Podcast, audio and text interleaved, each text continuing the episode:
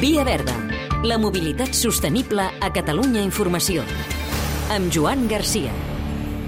Avui, solucions per fer sostenible la mobilitat als polígons industrials. A Catalunya hi ha prop de 1.750 polígons industrials, gairebé la meitat a l'àrea metropolitana, on hi treballen unes 300.000 persones.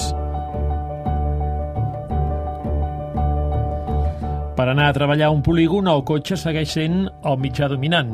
Rossent Bosch, responsable de projectes de mobilitat sostenible de l'àrea metropolitana de Barcelona. On més hem de treballar és en reduir la participació del vehicle privat. La participació del vehicle privat està de l'ordre del 60% i hauríem d'estar, si poguéssim, poguéssim per sota del 20%. I això vol dir traslladar molts desplaçaments dels que ara es fan en cotxe al transport públic, a la bicicleta o anar-hi a peu.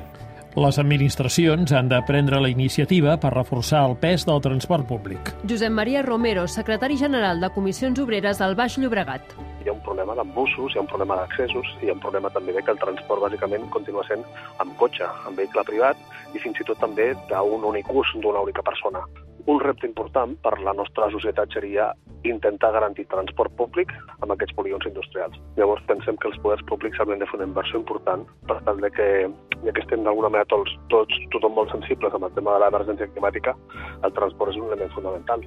Algunes línies d'autobús que van a polígons no estan concebudes per garantir la mobilitat laboral. O si la gent normalment comença a les 6 del matí o a les 7 del matí, doncs que el servei d'autobusos ja comenci a aquesta hora, que no comenci a les 9 la majoria de les línies que serveixen els polígons, en el fons, són línies interurbanes que van d'un municipi a un altre i que passen pel polígon. Llavors, tenen uns horaris que estan adaptats a la vida urbana dels municipis i no tant als horaris dels treballadors que estan en el polígon.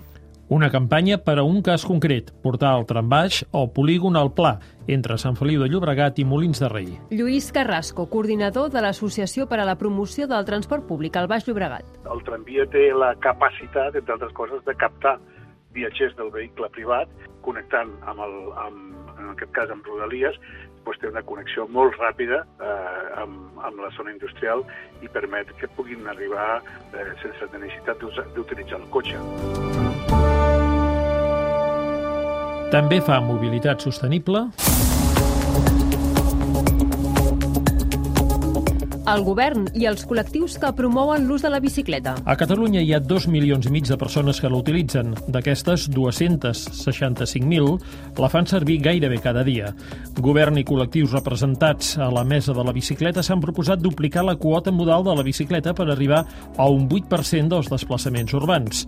Si la meitat dels nous desplaçaments en bici venen d'usuaris que deixarien el cotxe o la moto, estalviaríem l'emissió anual a l'atmosfera de 50.000 tones de CO2.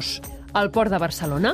Ha rebut una de les certificacions medioambientals de l'Organització Europea de Ports en reconeixement de la seva labor en la lluita contra el canvi climàtic.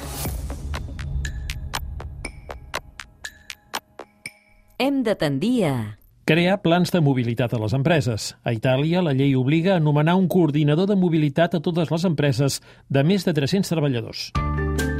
Via Verda, disponible al podcast i a catradio.cat.